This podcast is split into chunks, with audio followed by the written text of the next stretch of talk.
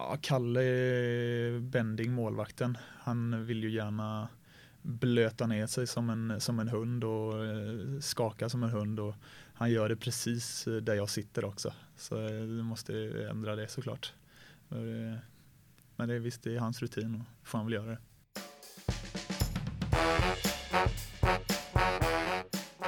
Då kör vi väl igång. Ja, perfekt.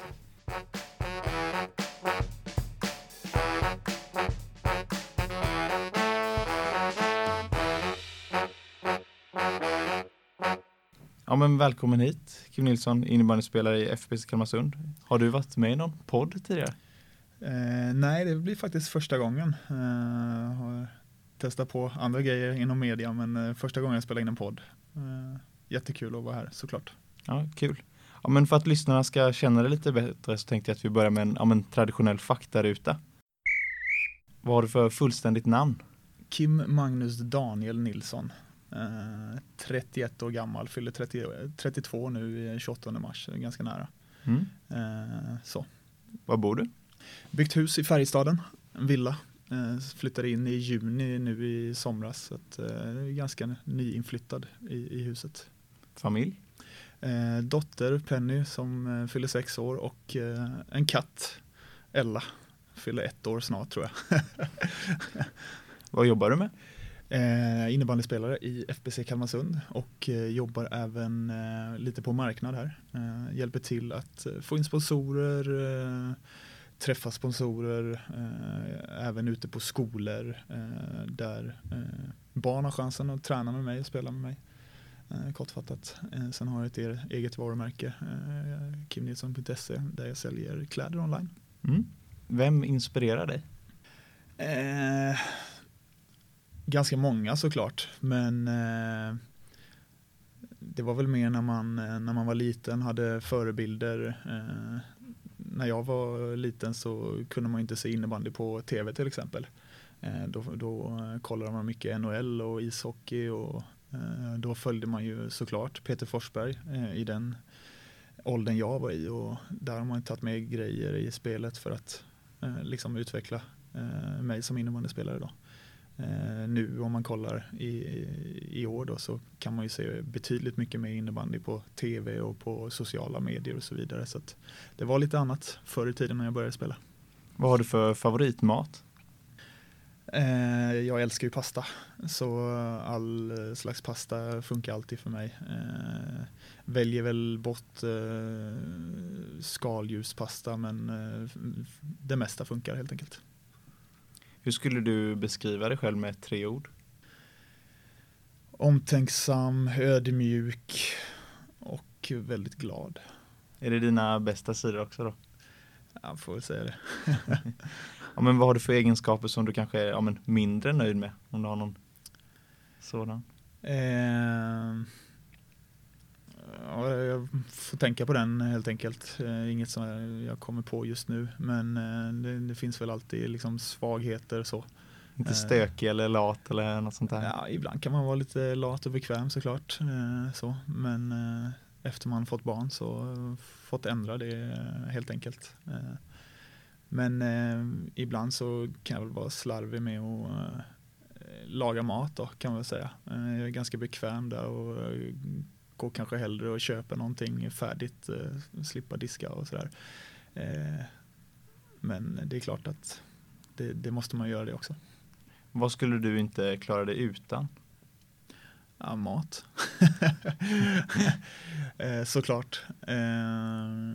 Sen älskar jag liksom bara sätta sig i soffan och kolla en film eller serie så eh, bara varva ner. Eh, jag gör hellre det än att läsa en bok exempelvis som många tycker är skönt. Eh, så sätter jag mig hellre i soffan och bara tar det lugnt. Och man tränar ju ändå 6-7 pass i veckan liksom och det är en avkoppling för mig att kunna göra det på kvällar sådär.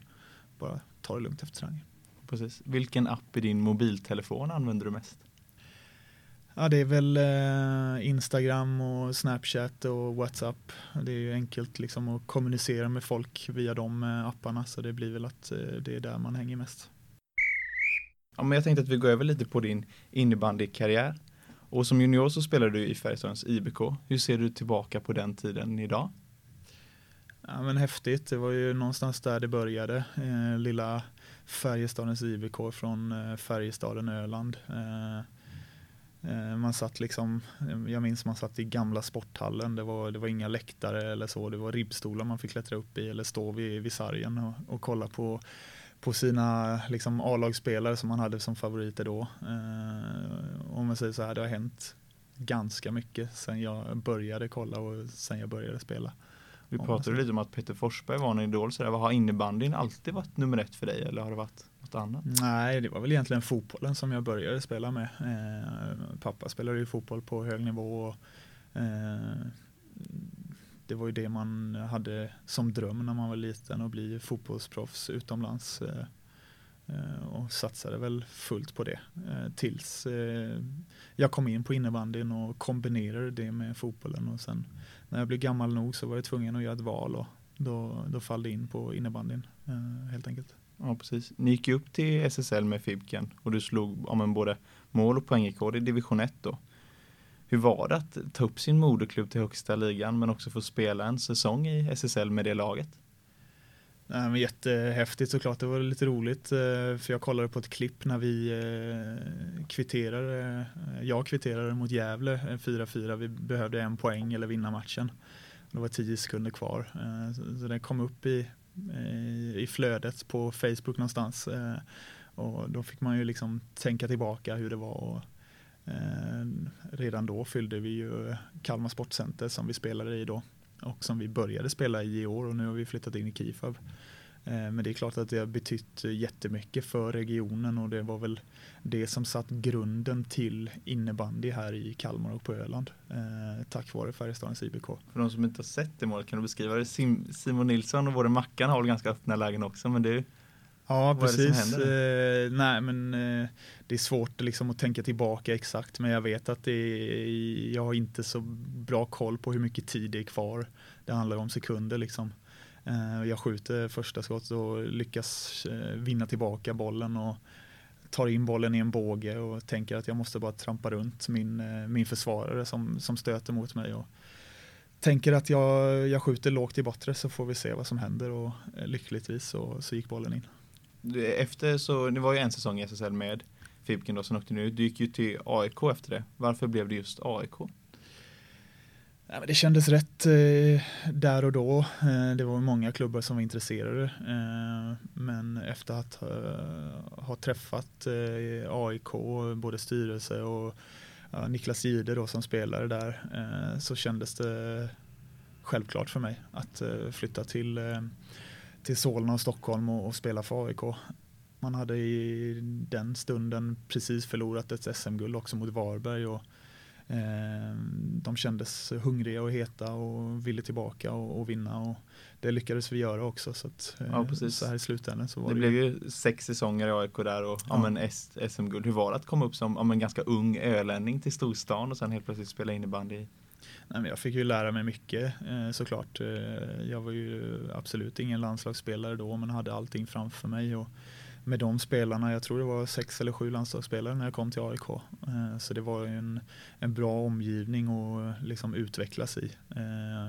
En tränare som Ulf Halstensson som också var med i landslagsstaben och, och en väldigt duktig tränare som tog AIK till SM-finaler titt som tätt nej, det, det, var bra för, för min utveckling och sen trivdes jag väldigt bra i, i laget också såklart. Kunde du fokusera på ja, men bara innebandyn då eller började du jobba vid sidan om när du kom upp? Eh, där och då så eh, jobbade jag lite åt eh, ett innebandyvarumärke som heter Fatpipe eh, där jag jobbade ungefär 50 procent. Eh, så det var ju liksom perfekt för mig att eh, kunna kombinera det med innebandy. Såklart att det blev mycket innebandy för det det var det ju på jobbet. Eh, det handlar ju bara om innebandy då. Men eh, det var nyttigt för mig och, eh, och sådär och det hjälpte mig också i min utveckling både utanför och på planen. Och efter AIK så gick du på lån ut i ja, Grasshopper Zürich eller mm. var det i, Precis, i Schweiz? Där? I Schweiz ja, ja, ja. Först och främst, hur var det att vara innebandyspelare i Schweiz? Ja, men det, är, det är någonting som jag eh, nästan dagligen liksom tänker tillbaka på Eh, någonting jag rekommenderar till alla innebandyspelare om man har möjligheten att eh, få flytta utomlands och spela med det man tycker är roligast liksom, eh, och få vara proffs. Eh, men det var också liksom, det passade bra i tiden. Jag har gjort sex säsonger i AIK. Fick precis en dotter där i samband med att vi skulle flytta. Eh, jag tror hon var fyra veckor när vi flyttade till Zürich. Eh, och det var ju såklart en eh, omställning med nytt språk och ny kultur och eh, också en annan innebandy mot vad vi spelar här i Sverige. Ja men på tal om det, vad är de stora skillnaderna på, ja, men, rent spelmässigt i Schweiz och Sverige? Jag skulle säga att det är, det är kanske lite mer fysiskt, eh, lite mer öppnare spel, inte lika taktiskt som det är i Sverige. Eh, så. En, en roligare innebandy helt enkelt, eh, om, om jag får säga mitt. Var det mycket publik och allt sånt där också? Ja men det var det. Det var, det var hets på matcherna. Eh, det var det och väldigt hög eh, ljudnivå. Eh, och finalen där jämför såklart med de andra finalerna, de stora finalerna jag spelat. Och jag tror att det är topp två eller kanske till och med den häftigaste finalen jag spelat i Schweiz. Topp två, vad är den andra finalen om det inte skulle vara? Var det när du vann SM-guld i Sverige i så fall? Eller? Ja, såklart att den, den rankar jag högt, men eh, kanske VM-guldet i, eh, på hemmaplan i Göteborg, den rankar jag också ganska högt med, med det stödet och det trycket som var i, runt innebandy-VM på hemmaplan. Det var också en häftig upplevelse såklart. Så, men om jag jämför guldet med AIK i Globen kontra guldet i Schweiz så var det ju betydligt mer tryck i, i Schweiz än vad det var eh, när vi vann med, med AIK. Då. I Schweiz blev du igenkänd på stan och sådär också, eller hur, hur var livet utanför? Jo, men det hände absolut. Eh, där kunde man gå på stan och få skriva lite autografer och folk ville komma fram. Det var ju ganska hett med selfies där och då. hade precis börjat i stort sett. Så det, det, hände att, eh, eller det hände allt mer ofta där än vad det gör hemma i Sverige om man säger så. Jag såg någon bild därifrån när ni ja, men, vann guldet. Och ja. Nu är det ju dags för slutspel med FBC Kalmarsund. Kommer det här slutspelsskägget du hade då komma tillbaka eller känner du kring det? det kommer det göra. Förhoppningsvis så, så går vi ju långt. Eh, så det är ju, det är ju målet såklart. Eh, där, där gick vi hela vägen till final och det såg ju för jävligt ut såklart, men eh, då vet man att man har gått långt och vi, vi, lyckades ju vinna. Så jag, jag, tror jag hade det ett dygn eh, efter vi hade vunnit också, så det var liksom ingen idé att, att göra någonting åt eh, själva festen, utan det fick vara så. Sen försvann det ganska tidigt på morgonen dagen efter. Så jag hoppas att jag får uppleva det igen då. Kommer du börja låta växa ut efter bortamatchen nu på lördag då? Ja, jag har redan börjat. Vi, vi har liksom i fredags var sista rakningen innan. Eh, så att eh, det får vi se hur långt det blir. Men jag kan säga att jag inte jag har inte bästa skäggväxten i laget om man säger så. Men ska, vem tycker du har bäst skäggväxt? Binder var en kandidat förra året. Ja, inte kvar. Jag vet inte, kanske Kevin Haglund har ju fina gener där kanske. Eh, Simon Nilsson, eh, tränarstaben, Jimmy Nilsson kanske. Jag vet inte. Eh, får se. Ja men hur var ja, men, livet vid sidan av innebandyn nere i Schweiz? För då var det ju ja, men, fulltidsproffs eller vad man ska säga. Ja, nej men det var ju att byta blöjor och ta hand om Penny såklart. Eh, nej men man hade ju jättemycket tid eh, så eh, och möjlighet att vid lediga liksom, dagar eller helger kunna sätta sig i en bil och åka till Milano exempelvis och åka runt lite för att se saker då såklart. Eh, så det var ju inte bara innebandy. Eh, men självklart så var det ju därför jag var där, för att spela innebandy. Eh, men man hann med fler saker och sen kunde man ju såklart då fokusera på, på träningen på ett annat sätt. Man kunde gå till gymmet dagtid och, och hela den här biten. Vilket jag tycker det ska vara överallt idag i framförallt svenska superligan. Ja precis, Schweiz ligger lite före i ja, men, lönemässigt och sådär. Och jag vet att du sa i T-Expressen i någon intervju att ja, men du kanske känner det som en genomsnittlig allsvensk spelare. Mm. Vad tjänar du nere i Schweiz? ja, men jag klarade mig bra, det gjorde jag. Eh, men det, det är klart, det låg ju uppåt en 100 000 i månaden. Liksom. Eh, och eh, det, det, hade ju aldrig tjänat här i Sverige. så att ja, så i efterhand så hade man ju kanske velat stanna några år till. Men nu, nu var det ut på lån då från AIK. Och jag hade den klausulen i kontraktet att jag kunde liksom sticka iväg två år. Då. Eh, men eh, jag är väldigt tacksam och glad för att jag har gjort det och en häftig resa som jag kommer liksom bära med mig hela livet. Ja, precis. Och sen därifrån så blev det ju till Kalmarsund men via AIK. Det var ju, mm. De köpte väl ut dig från ditt ja, men, kontrakt där och då. Varför valde du att flytta hem? Ja, men det, var, det var precis, eh, jag vet att år två då när jag skulle göra min andra säsong så fick jag ju ett anbud från FBC Kalmarsund och först några samtal om att de var väldigt sugna på att få hem mig såklart. Eh, och jag tänkte fram och tillbaka och eh, tänkte väl att ja, jag har ju avtal med AIK samtidigt som de kanske hade, hade problem med eh, ekonomin där och då.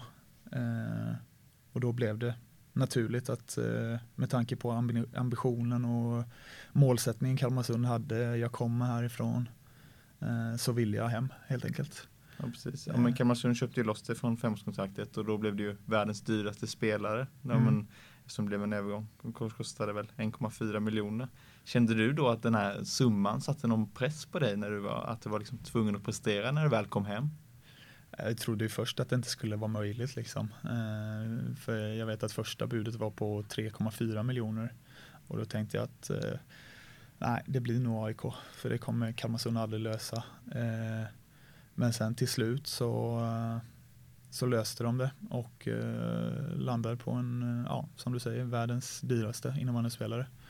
Och det är klart att någonstans så, så blir det en press i, i sig men om man tänker bort det så är där som alla andra för att vinna matcher och eh, ha jäkligt kul på plan.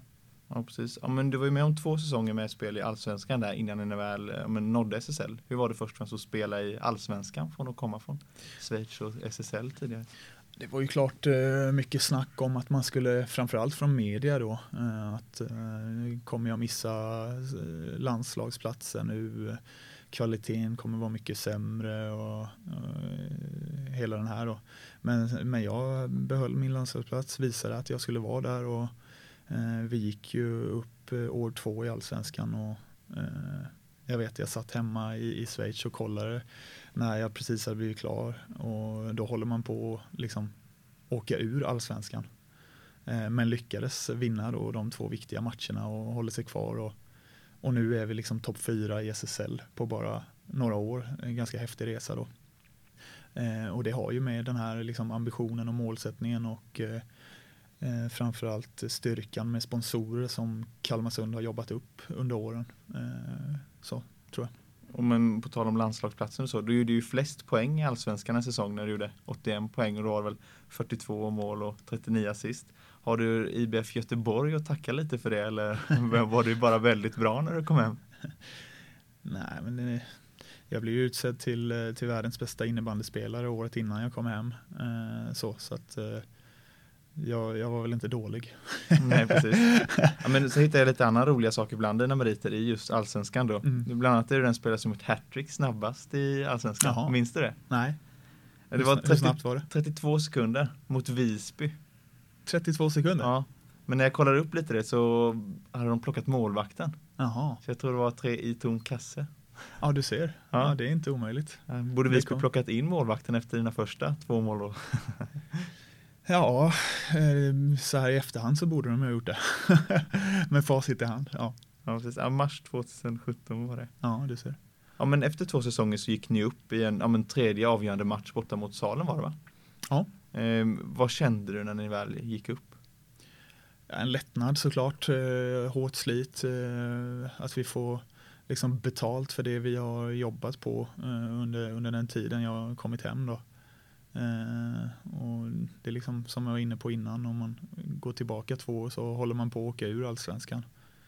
Två år efter så, så går man upp i SSL så det är en ganska häftig utveckling på de två åren. Så, om, man säger så. om jag inte minns fel så Tobias Lindström som spelar i ett lag nu, han punktmarkerade väl det ganska rejält i de där det är han tre, duktig på. tre matcherna. Ja. Är det skönare att ha honom i laget än i motståndarlaget? Ja, det är skönt att slippa han. Så är det ju. Så det är jätteskönt att han blev klar för Kalmarsund. Hur är det att ha en sån spelare i laget?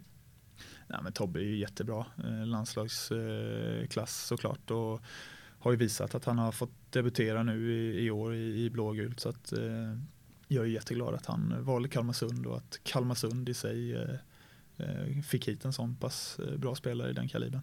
Vad är det han gör så bra på plan? Ja, han, är, han är trygg och lugn med bollen, eh, kan slå sin spelare, är snabb eh, och sen framförallt det vi var inne på att han är duktig defensivt. Att eh, markera och ta bort viktiga spelare. Ja, precis. Och nu är ni inne på ja, men andra säsongen i SSL och har gått från ja, nykomling till strax under toppen. Hur tror du det kommer gå nu i slutspelet som kommer härnäst? Nej men det är liksom, eh, det är ju bara jag, Simpa och Björkström och Mackan som har spelat slutspel. Så vi har liksom vi har verkligen ingenting att förlora. Eh, vi har bara allt att vinna. Eh, vi ser det som en utveckling för klubben att få, få spela eh, liksom det första slutspelet i klubbens historia. Och det spelar egentligen ingen roll vilka vi får i en kvartsfinal. Vi ska, vi ska dit för att eh, störa, eh, vara jobbiga och liksom bygga för framtiden. Sen är det såklart en bonus att ta sig vidare till en semifinal och sen kan man ta sig därifrån. Men det är, liksom, det är inget vi siktar på utan vi ska ta en match i taget och, och vara så jobbiga och bra som möjligt. Ja, precis. Men vad ska ni som förening göra för att ta ytterligare kliv upp i tabellen och bli ja, men en mer tydlig kandidat till SM-guld? För just nu är det väl slutspelsplats som varit målet lite? Ja, så är det ju. Och sen eh, har vi ju visat under säsongens gång att vi, vi har legat i topp fyra eh, väldigt länge nu. Och eh, det kanske man inte har räknat med att vi skulle liksom ha chans på att ta en fjärde plats nu redan på lördag. Eh, men eh, det är ju bara ett eh, kvitto på att vi, vi går åt rätt håll, vi jobbar med rätt saker. Sen om man ska komma upp liksom i Faluns och Storvretas kaliber, ja, det är ju bara att kolla liksom. De har sju, åtta landslagsspelare och vi har två då. Eh, så det är ju liksom inget att sticka under stolen med att vi, vi kanske behöver Samtidigt som vi behöver kanske få in eh, någon i den kalibern till. Eh, men också få, få fram eh, väldigt duktiga juniorer och låta dem få utvecklas och få förtroende och chansen för att man på, på sikt då ska kunna bli ett eh, lag för att kandidera om, eh, om guldet. Ja, precis. Du som är en av de äldre spelarna i truppen, ni har ju några som är mer erfarna sådär, när unga killar som, ja men ta Oliver Samuelsson som kommer nu eller ja men Hedstål och Vadell som kommer från RIG där. Mm. Eh, hur, är det, men, hur agerar du lite mentor till dem eller hur, hur blir det att få upp sådana unga talanger? Du som ändå varit med om saker innan, hur man, hur man tar hand om dem i ett lag. Liksom. Jo, men det är klart att eh, det, det, måste man ju liksom dela med sig av sin erfarenhet. Eh, men jag tror att liksom det viktigaste för nya spelare är att få in dem i en, i en trygghetszon, att, att känna att här ska ni liksom kunna spela i ett spel och, och våga göra det ni är bra på. Och det försöker man ju liksom förmedla då. Eh, sen är det ju alltid upp till, till en själv liksom vart man vill eh, komma. Nöjer man sig att spela i SSL eller vill man, vill man ta nästa kliv och komma med i landslaget? Eh, och, och sådär då. Men det är klart att man försöker hjälpa till och bidra med så mycket som möjligt. Ni har ju också fått in Alexander Brinkman som tränare till den här säsongen. Mm. Hur har det förändrat ja, men Kalmarsund? Han har gjort det bra. Alltså det är ju liksom, tabellen ljuger ju inte. Vi ligger på en fjärde plats idag och det har inte varit lätt att komma in och ta, ta över Kalmarsund men eh, eh, fantastiskt jobb måste jag säga. Vad är det som skiljer han som tränare från andra? Han, liksom, han är ny och ung och väldigt hungrig, har mycket idéer. så. Men måste också växa in i liksom kostymen ordentligt. Men jag tycker att det tar sig för, för varje vecka som går och för varje match vi spelar. Så det, det finns en ljus framtid i det. Ni har också fått in, eller fått in, men ni har ju fått en ny hemmaplan i Kifab Arena. Hur är det att spela där? Ja, men det har ju blivit vår hemmaborg eh, egentligen från match ett. Det, det är klart att det har varit en kultur att spela i, i sportcenter men eh, Kifab har ju liksom eh, slagit det med hästlängder och det har verkligen blivit vår hemmaborg på bara eh, sen, sen första teckningen liksom. Eh, så att eh, det är ett upplyft för både oss som förening och publiken som kommer och tittar och våra sponsorer. Så det ligger rätt i tiden. Vilken match hittills har du känt så här, jäklar vilken stämning det är? Har det varit någon speciell ja, men nu senast mot Storvreta så uh, var det ju ett jäkla tryck. Alltså publiken uh, har en fin inlevelse och man hör att de, de är engagerade liksom. Sen när vi gör mål uh, så, så, får vi höra det också. Det är väl den och Pixbo-matchen som har varit extraordinära då, om man säger så. Ja, men innan vi går över på lite ja, men, roliga och hypotetiska frågor som jag tänkt, eh, tänkt på. Har du någon men, rolig anekdot från din karriär? Eh, ja, Något galet guldfirande eller tränare som gjort något så här med NHL-historia så är det många som de här Gatorade-tuberna kanske slänger i golvet och, eller vad som helst. alltså inte jag eh, eh, har väl inte gjort något särskilt så. Alltså. Eh, men det är, det är folk som ballar ur på riktigt om man säger så. Men det är inget jag kanske ska gå in på. Kanske inte behöver nämna några namn i så fall. Nej, men vi, vi går över till lite roliga och hypotetiska frågor. Om du skulle spela med någon ja, men i ditt lags klubba och Hook, vems klubba tror du att du hade spelat sämst med? Om vi tar dem med din vinkel då. Med min vinkel? Mm. Alltså eh,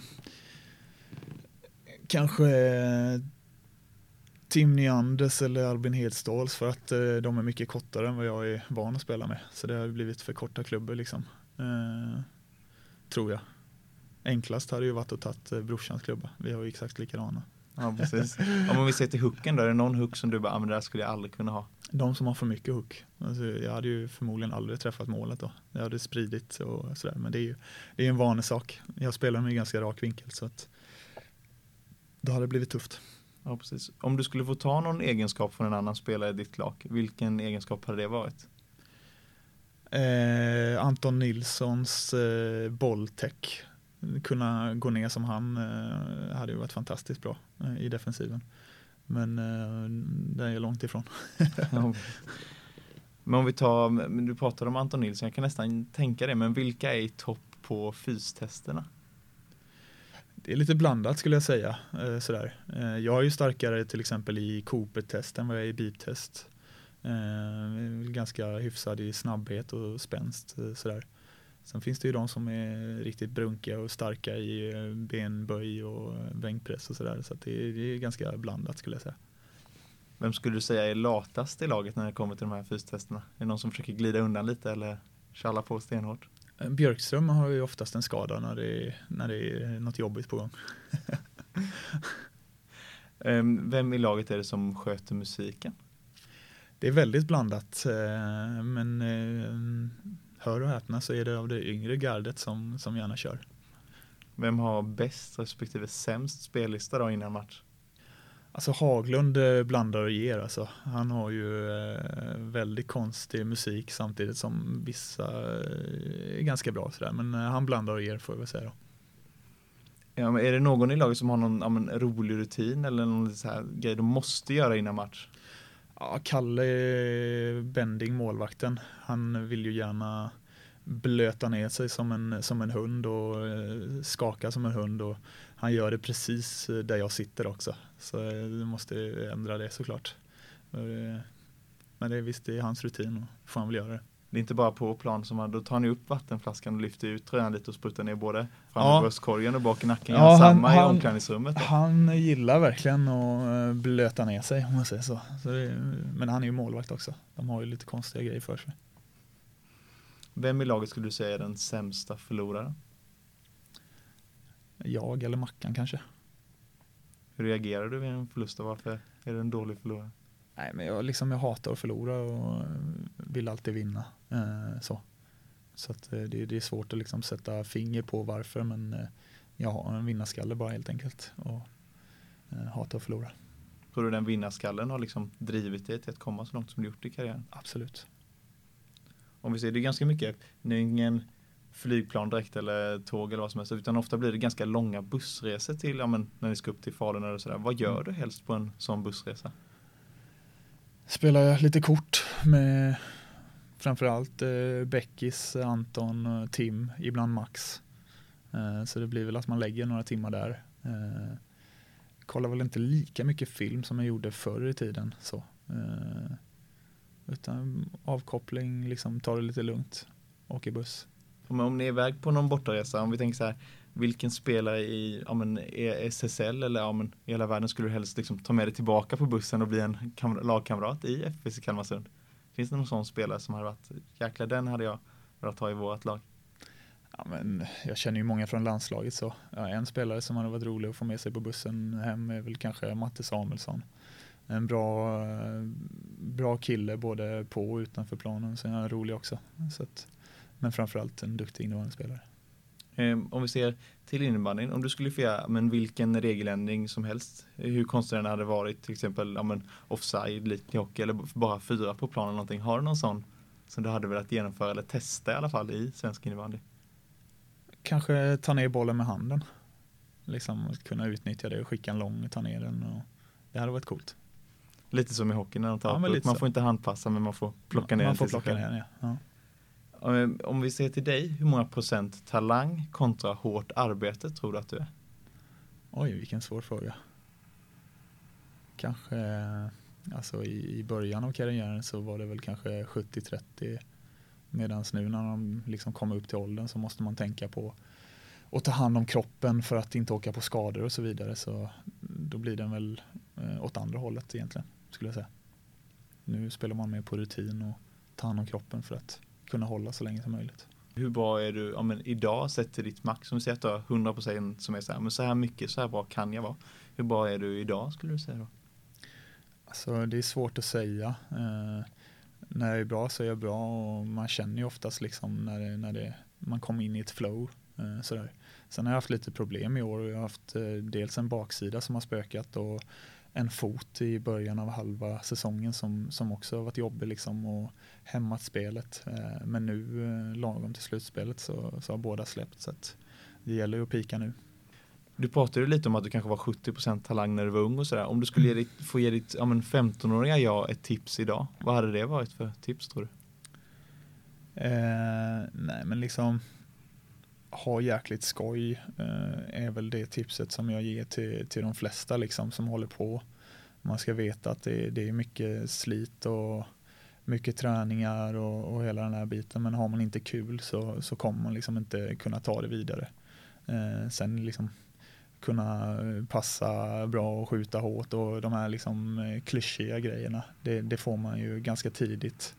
Då gäller det att kanske göra det med hög fart och ta med sig det och veta att det är betydligt högre tempo i senior innebandy och framförallt i S, SSL då. Men eh, ha jäkligt kul där ute så, så kommer man långt. Vem är den bästa innebandyspelaren genom tiderna enligt dig?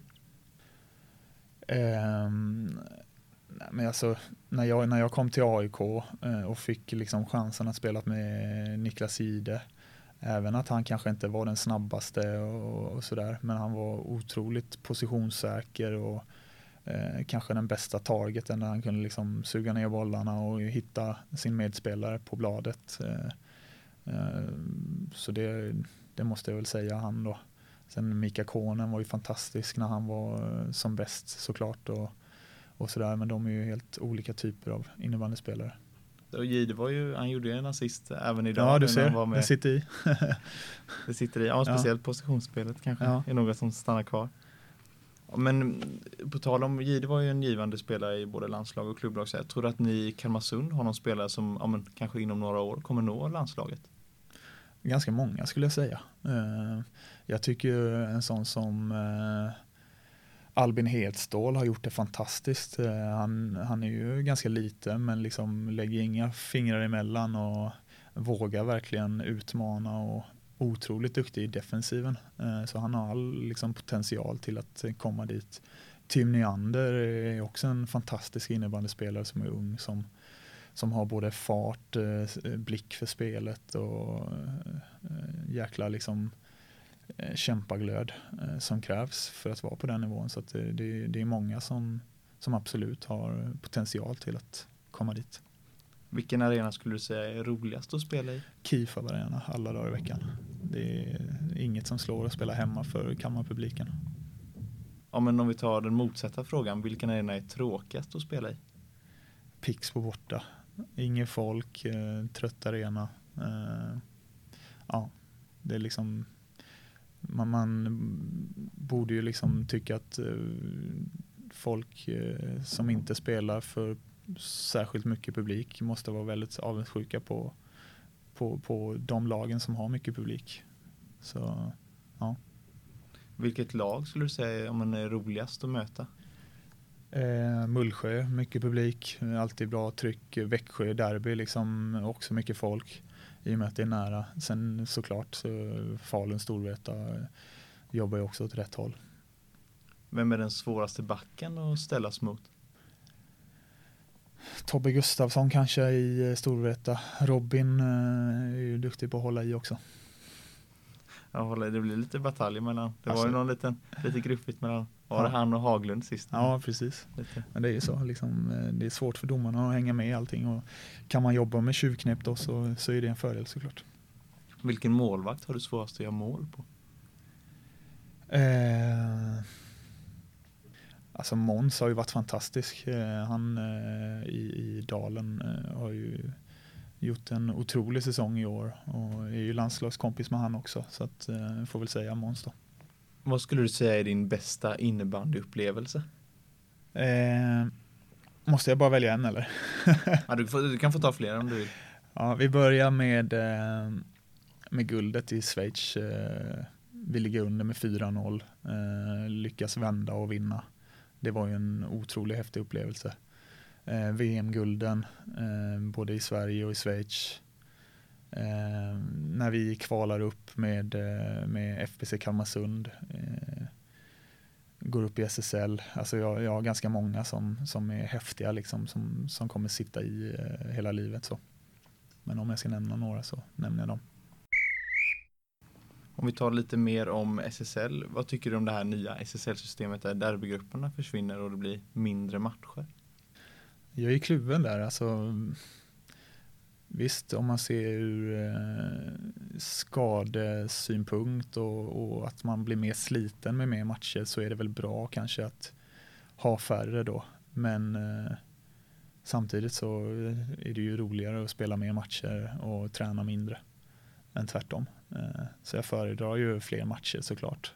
Bara man håller sig frisk och, och hela den biten. Då. Men det är också en utveckling för sporten. Jag menar, det spelar ingen roll om vi har färre omgångar. Vi, vi får lika mycket publik ändå. Eh, och ur ekonomisk synvinkel för att sporten också ska utvecklas så, så är det bättre att få in mer kapital i ligan. När jag var på korren tidningen i Linköping där så var det mycket snack om att det skulle skapas en ny egen liga.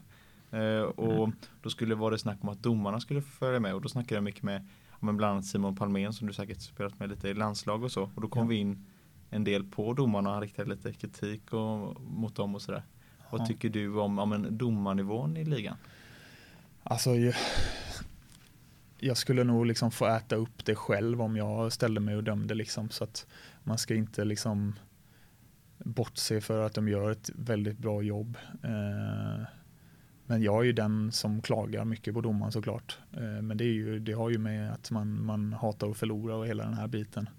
Men eh, om man ska liksom eh, skydda dem lite så går det otroligt snabbt. Eh, så. Och jag tror väl på att man kanske ska in med en domare till eller någonting sånt då. För att eh, man ska kunna hinna med i den sporten. Så jag köper att det, det är svårt ibland. Eh, och ibland missar man ju liksom otroliga lägen så. Men ja. Ja, precis, innebandyn går ju otroligt fort. Och, ja. Men hur ska man ge dem möjligheten att ja, men kanske träna på matchtempo eller något sådär? Finns det något sånt tror man kan det är väl mer att eh, man kanske kan få in domare som, som har varit på nivån då och spelat eh, för att eh, liksom känna till. Men samtidigt så sporten utvecklas ju varje år och det, det, det, det blir liksom en snabbare sport. Men jag vet inte, för man, man kan liksom utveckla det och se fler matcher och eh, oftast är det ju samma situationer som uppstår, att man liksom titta på sådana situationer mer in, inför en match eller utbilda sig på, på sådana situationer.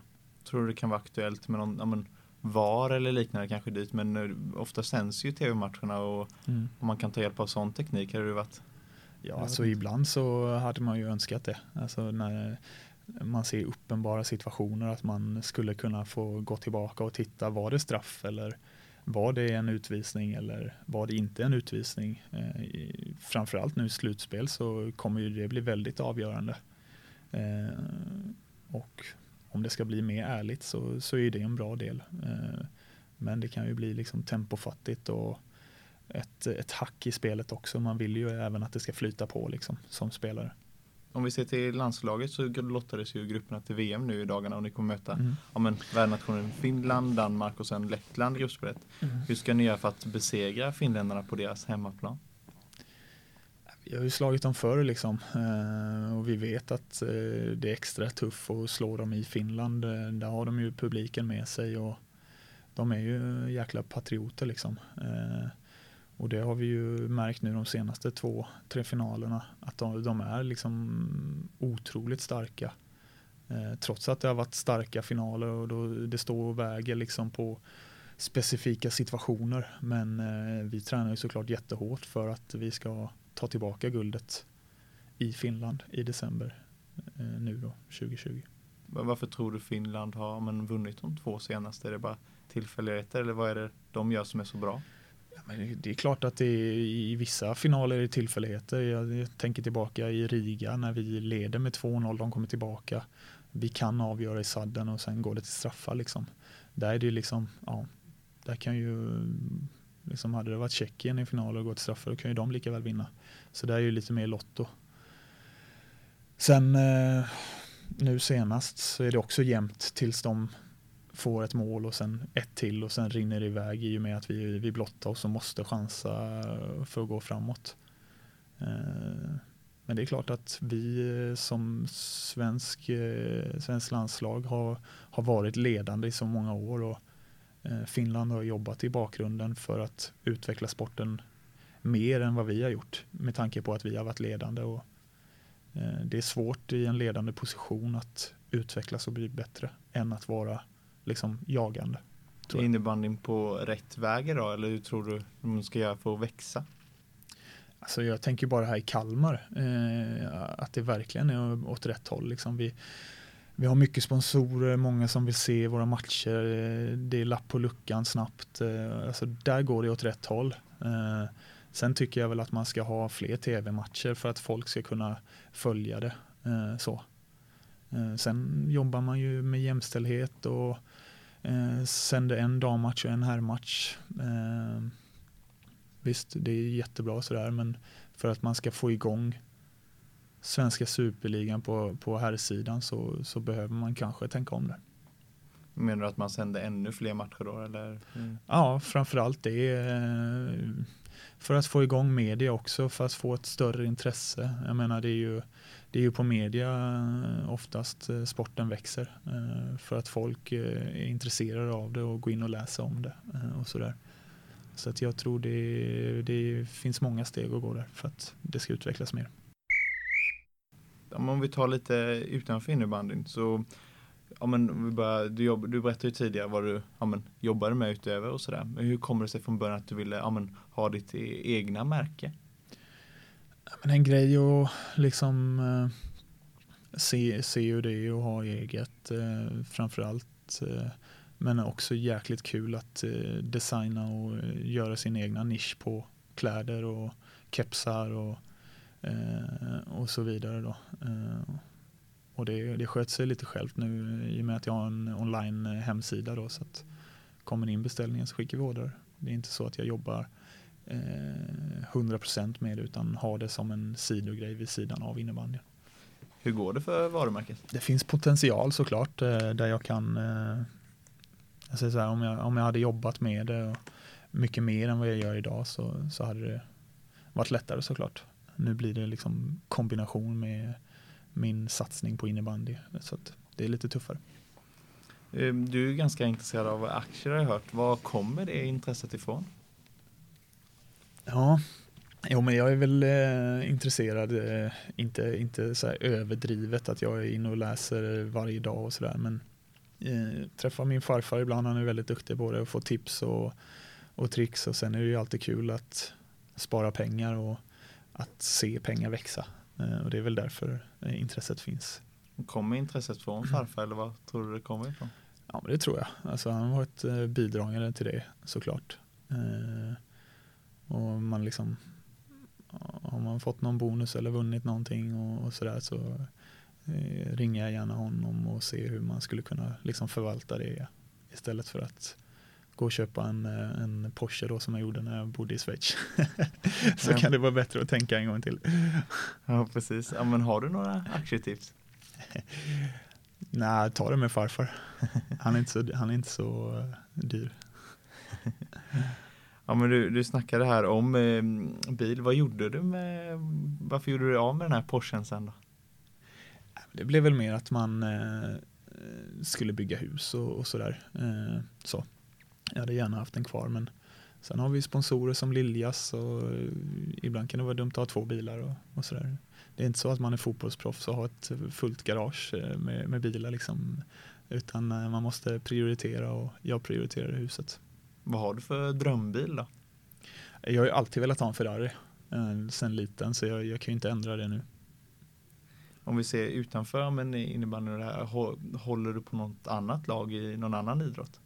Ja, eh, Barcelona eh, är ju varmt om hjärtat eh, och då tänker jag ju på fotbollslaget såklart. Eh, jag har varit nere två gånger och kollat på Camp Nou och ja, det blir ju att man följer dem. Kanske inte lika mycket nu som man gjorde förr i tiden. Eh, jag kollade väldigt mycket när Ronaldinho var som hetast. Eh, sen, eh, sen älskar jag ju att se Messi när han spelar fotboll. Eh, liksom det är en fröjd för ögat.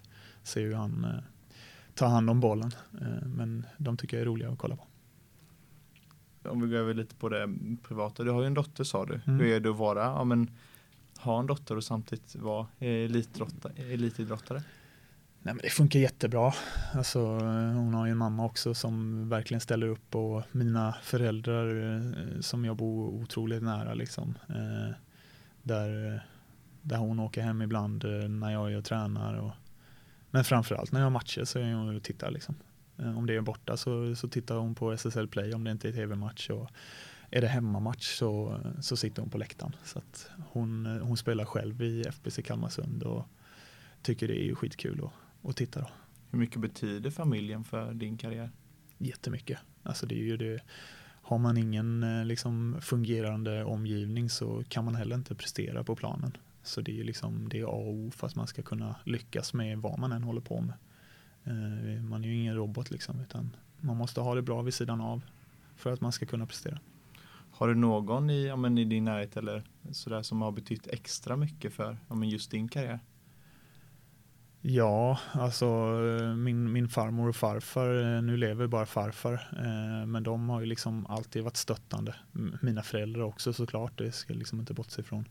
Men eh, farmor liksom, eh, hon dog för ett år sedan och tittade alltid på matcherna och när jag spelade i AIK, om jag inte hade gjort något poäng så trodde hon jag var sjuk liksom.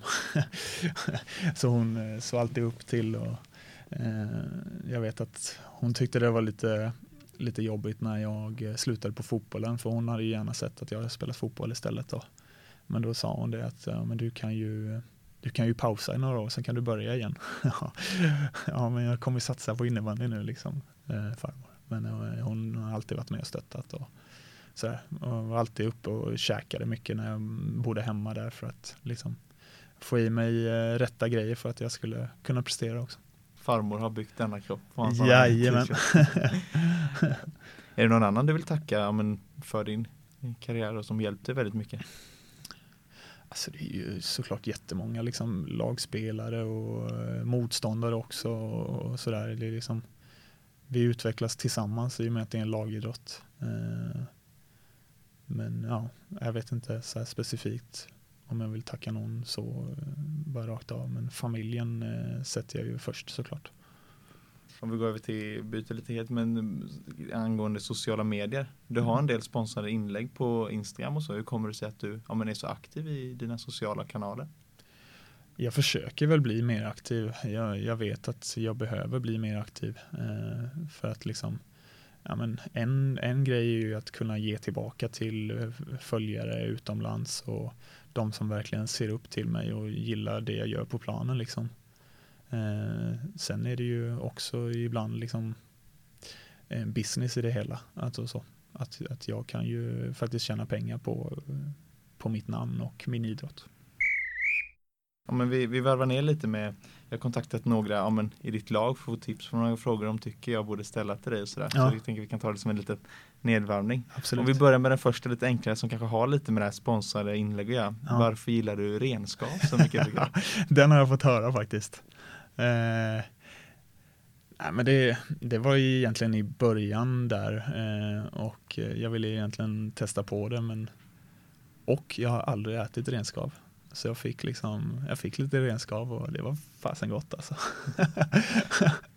Sen har jag fått någon liten annan här. De tyckte jag skulle få vad du sa till domaren när du åkte ut två min för snack nu mot Jönköping. Det var något i stil med rannsaka dig själv, din jävla sopa. Då var det bara att gå och sätta sig. Och sen jag en lite, men för att komma in på den här frågan måste jag först bara kolla om det stämmer. Dricker ni en liten mjölk med O'boy för återhämtning efter vissa matcher? Efter varje match. Efter varje match? Ja. Vad, vad, hur kommer det sig tror du? Ja, men, eh, man måste ju få i sig proteiner och det får vi ju i mjölken. Eh, och bojen där är ju att sockret eh, går ut snabbt. Eh, så det hjälper ju till att skynda på återhämtningen. Men om vi tar det då, vem vill du absolut inte sitta bredvid på bussen hem efter att personen druckit den här liten mjölk med O'boy? Simon Nilsson eller Anton Nilsson. Så jag någon mer här. Trivs du med smeknamnet Kimsan? Ja, det är jättefint. Det är underbart. Sen du sa det ju innan, du hade en katt som skulle fylla ett. Har du en Ja. nyinförskaffad katt? Ja, Penny fick den när hon fyllde fem. Eh, en liten Ella. Det är inte jag som har döpt katten utan det är Penny som har gjort det. Hon har alltid velat ha en katt så det var läge att köpa det i femårspresent. Precis, då har du både en katt och en ja, men, dotter att komma hem till lite efter Ja, exakt. matcherna. Så. Ja, men tack så jättemycket för att du ville ställa upp i den här Mm. podden. Ehm, har du några avslutande ord som du, ja, men, du kanske vill hälsa till de som lyssnar? Ja, men att man ska besöka Kifab Arena framförallt nu i slutspelet och eh, stödja oss till att avancera först och främst i en kvartsfinal och försöka vinna så många matcher som möjligt i slutspelet. Om inte annat får de göra det för att se ditt kommande slutspelsskägg. Framförallt det, framförallt det. Det Ja, vill men- alla se.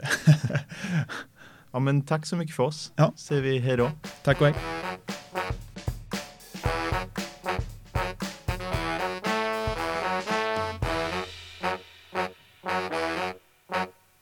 Du har lyssnat på premiäravsnittet av podcasten Idrottsprofiler. En podd där jag, Herman Rydberg, träffar olika människor med koppling till idrotten i Kalmar. Musiken i avsnittet var Celebration av Kevin MacLeod och ljudeffekterna är hämtade från freesfx.co.uk. Tack för att du lyssnat!